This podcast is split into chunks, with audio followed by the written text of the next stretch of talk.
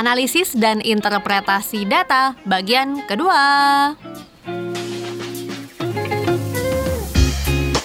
Assalamualaikum warahmatullahi wabarakatuh. Teman-teman, terima kasih banyak ya udah ngeklik podcast Andino Radio. Kali ini aku akan melanjutkan yang ada di podcast sebelumnya, analisis dan interpretasi data bagian pertama. Kita akan lanjut ke subbab selanjutnya nih. Kalau kemarin ada 3.1, titik 2, titik 3. Nah, ini kita sampai di 3.6. Judul subbabnya adalah penggemar boyband K-pop dan toleransi pada skinship idolanya.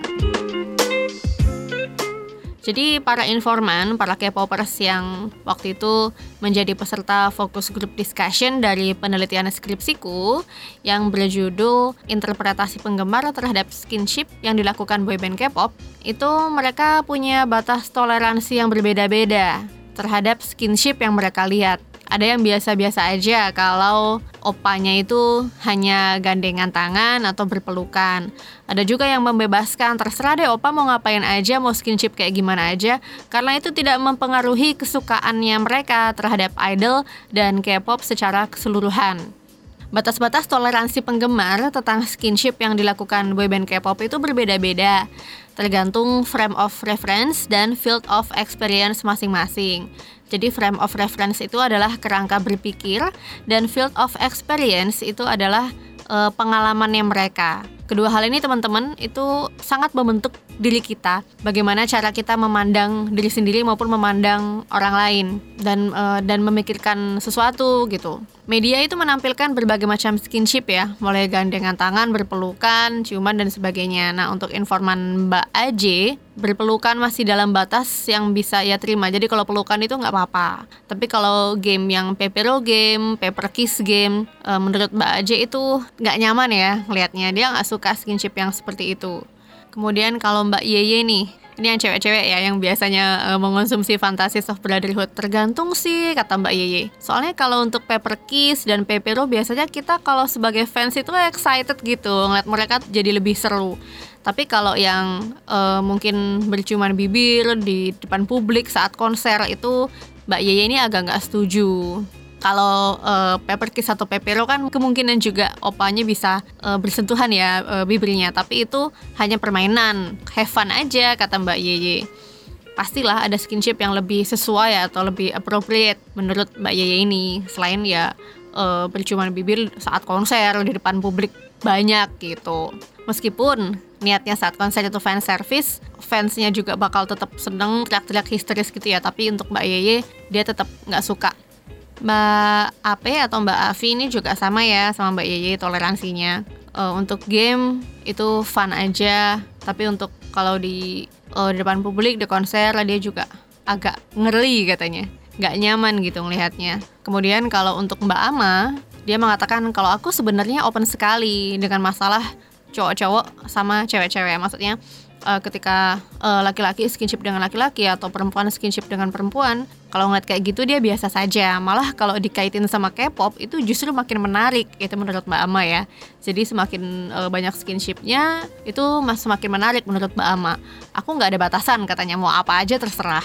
Jadi dia membebaskan mau idolnya mau skinship model kayak gimana aja sesama jenis atau tidak sesama jenis terserah deh.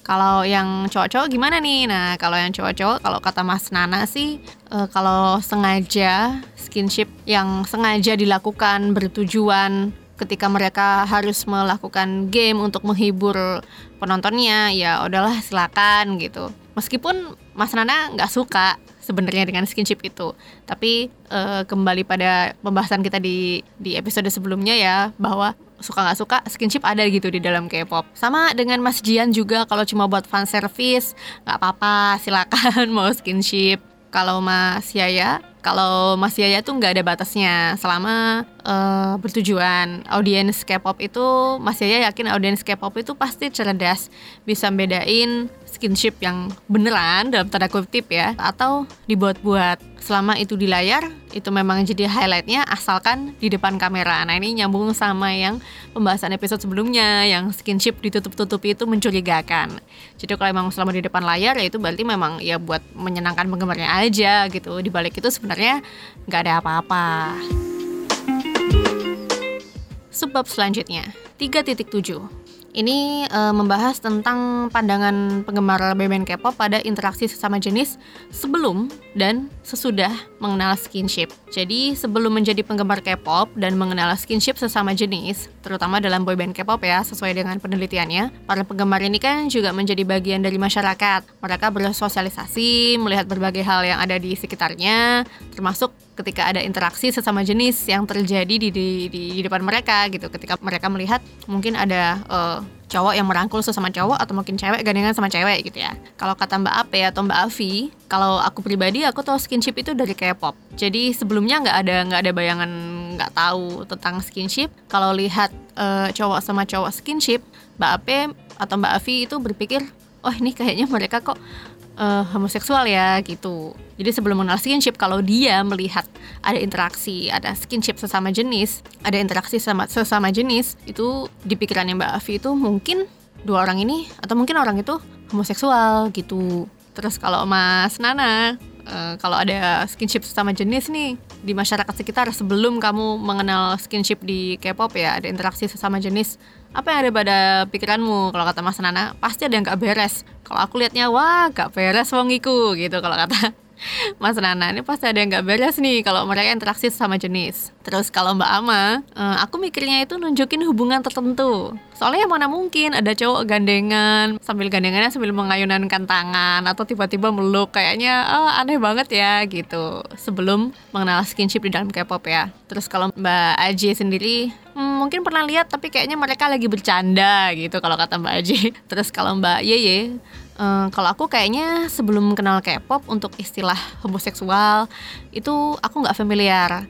Jadi kalau lihat uh, cowok sama cowok berinteraksi, aku nggak seberapa merhatiin, nggak ada pikiran mereka itu homoseksual atau apa. Karena uh, benar-benar setelah kenal K-pop baru mulai ngerti adanya isu-isu semacam itu atau yang dimaksud di sini adalah isu-isu hubungan uh, homoseksual. Setelah menjadi penggemar K-pop, Mbak Ama, Mbak Yeye, Mbak Avi ini juga kalau sekarang mereka semacam punya radar katanya. Jadi makin sensitif kalau dulu ngelihat orang yang deket sama jenis itu langsung kayak eh gitu langsung nyadar langsung eh itu ngapain kayak gitu karena uh, yang mereka lihat sehari-harinya sebagai penggemar K-pop itu banyak yang melakukan seperti itu skinship itu tadi. Nah kemudian nih kalau itu kan tadi dikaitkan dengan homoseksual uh, seksualitas ya. Jadi uh, teman-teman K-popers ini awalnya belum tahu atau tidak tidak punya kepekaan tentang interaksi sesama jenis yang ada di sekitar mereka entah itu dipahami sebagai hanya bercanda atau hanya berteman atau memang ada hubungan khusus itu mereka nggak menyadarinya tapi setelah menjadi penggemar K-pop mereka mulai menyadari adanya isu-isu homoseksual dan peka kalau ada yang melakukan interaksi sesama jenis di sekitar mereka.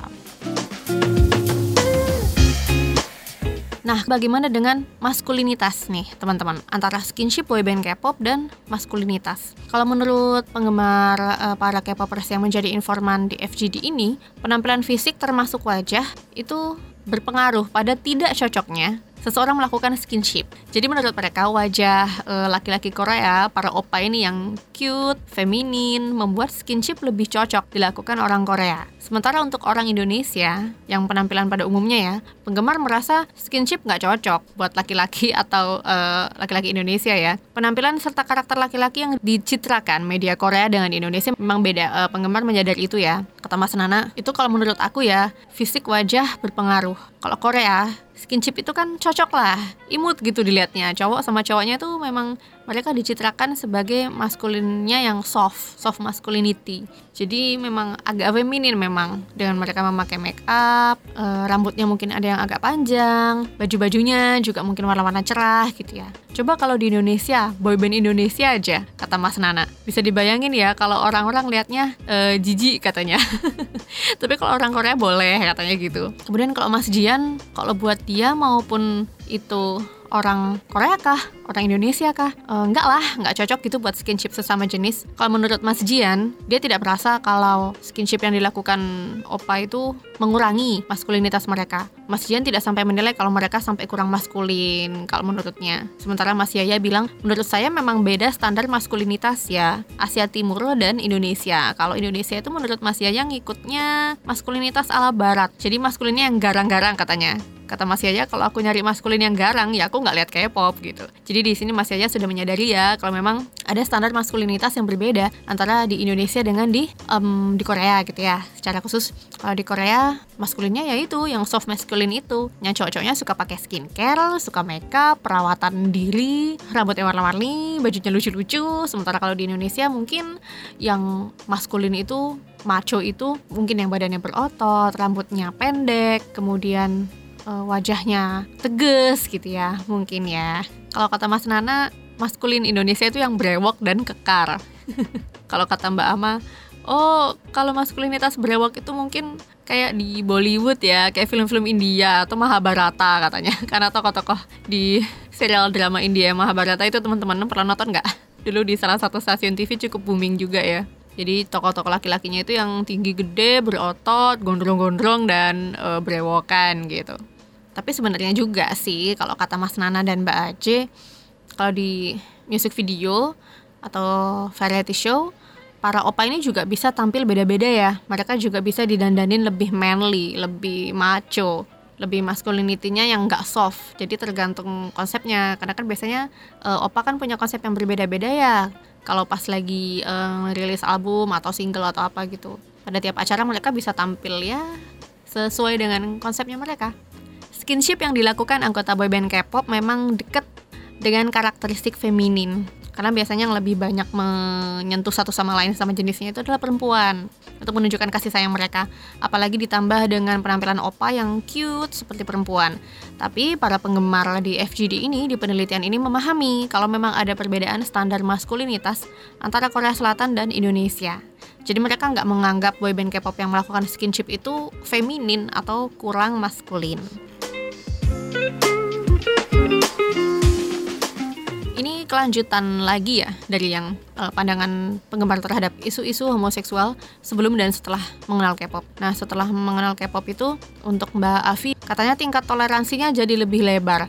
Aku jadi lebih menoleransi beberapa hal yang tadinya aku anggap aneh. Jadi pada awalnya dia menganggap ketika melihat ada interaksi sesama jenis itu dia, ih itu hmm, orang itu apakah homo ya gitu. Ih orang itu kok aneh ya. Setelah dia melihat K-pop setelah terbiasa melihat skinship akhirnya dia juga lebih menoleransi ketika ada interaksi-interaksi sesama jenis yang terjadi di kehidupan sekitarnya. Sama juga dengan Mbak Yeye ya. Lebih toleransi lebih terbuka pada adanya interaksi sesama jenis atau homoseksual di sekitarnya menurut Mbak Yeye dia nggak berpengaruh sama rasa sukanya terhadap K-pop. Kalau memang opanya memang homoseksual ya silahkan terserah dia. Kalau dampaknya uh, dia, dia dia tidak merasa terdampak sama sekali. Kalau memang uh, Mbak Yeye ini bilang kalau aku memang suka sama dia ya aku suka sama dia. Yang cewek-cewek ya lebih memaklumi, lebih menoleransi. Kalau yang cowok-cowok, kalau Mas Nana bilang kalau ngelihat sudah memaklumi dia memaklumi kalau ya memang ada di sekitar kita gitu mungkin ya interaksi sesama jenis atau mungkin homoseksual di sekitar kita Mas Nana ini lebih memaklumi setelah mengetahui setelah meng, e, melihat skinship yang ada di dalam K-pop terus kalau kata Mbak Aje kalau menurut Mbak Aje itu dari budayanya kita ya budaya kita masih belum terlalu terbuka dengan uh, hubungan sesama jenis. Jadi kira-kira kalau mungkin di K-pop, halah udah biasa, emang kayak gitu. Tapi kalau lihat aslinya, uh, mungkin orang-orang yang kita punya dugaan kalau mereka itu homoseks itu kita hanya bisa menduga-duga gitu. Jangan-jangan begini jangan-jangan begitu. Mbak Ama bilang dengan kita makin tahu skinship kayaknya makin luas pemakluman kita sama hal-hal yang kayak gitu. Kayak gitu dalam arti ketika melihat interaksi sesama jenis atau mungkin ada homoseksual di sekitarnya. Jadi nggak skeptis nggak ngejudge nggak menilai yang buruk atau gimana. Menurut Mbak Ama itu adalah sisi positif jadi Mbak Ama merasa ketika dia makin tahu skinship kita dia udah biasa lihat skinship sesama jenis dia merasa positif dengan bisa menerima mungkin kondisi yang sama di sekitarnya ketika ada eh, orang-orang uh, yang melakukan hal yang sama seperti opa-opa di di K-pop di boy band. Kata Mbak Ama kalau aku lihat cewek sama cewek ya aku bisa nerima sih. Tapi kalau ada temenku yang cewek sama cewek yang deket banget itu ya juga jijik sama kayak mereka nih yang cowok-cowok kalau lihat cowok sama cowok. Jadi ternyata karena yang dikonsumsi adalah skinshipnya boy band, jadi ketika di lingkungan nyata, di dunia nyata, di, di lingkungan sekitar Mbak Ama sehari-hari, ketika dia melihat interaksi sesama jenisnya itu cowok, dia masih bisa biasa aja gitu. Tapi kalau e, sesama cewek dia masih nggak suka. Masih aja juga sama ya, kalau udah tahu K-pop lebih dari setahun, saya rasa udah biasa aja kalau melihat uh, hal-hal interaksi sesama jenis atau homoseksualitas di lingkungan sekitar. Jadi para penggemar mendapat pengaruh K-pop yang cukup besar ya di samping dari latar belakang keluarga mereka atau budaya mereka. Dari yang awalnya tidak tahu tentang homoseksualitas kemudian menjadi peka karena melihat skinship yang ada di dalam boyband K-pop. Mereka juga jadi lebih toleran dan memaklumi keberadaan kaum homoseksual. Dan kalau memang skinship adalah tindakan yang menunjukkan seksualitas dari idolnya, maka para penggemar merasa itu nggak ngaruh, itu tidak mempengaruhi rasa suka mereka terhadap boyband K-pop.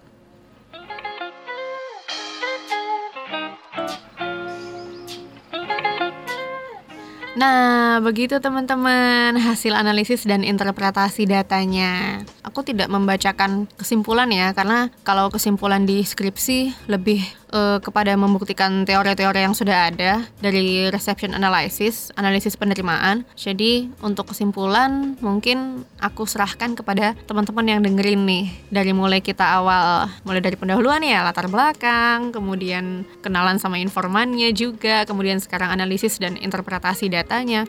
Aku serahkan kesimpulannya ke teman-teman soal K-pop, soal skinship, soal maskulinitas mungkin soal seksualitas para idol, aku serahkan kesimpulannya ke teman-teman yang dengerin.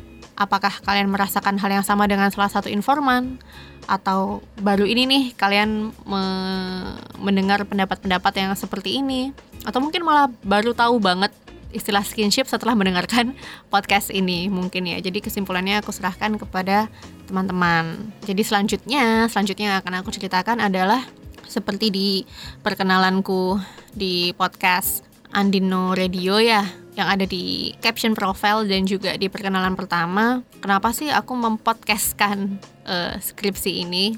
Isi dari skripsiku waktu saat aku kuliah itu tahun 2014 penelitiannya. Karena tiba-tiba uh, skripsi ini termasuk salah satu turn point yang uh, mengubah mengubah hidupku, menyadarkan aku dari kefanaan. kefanaan menjadi fan girl gitu. Jadi setelah meneliti ini, aku jadi tersadar akan sesuatu gitu ya. Yang akan aku ceritakan di podcast selanjutnya. Jadi untuk uh, skripsi skripsiannya alhamdulillah sudah selesai sampai di sini teman-teman. Terima kasih banyak yang sudah mendengarkan sampai eh, uh, 20 menitan setengah jaman ya.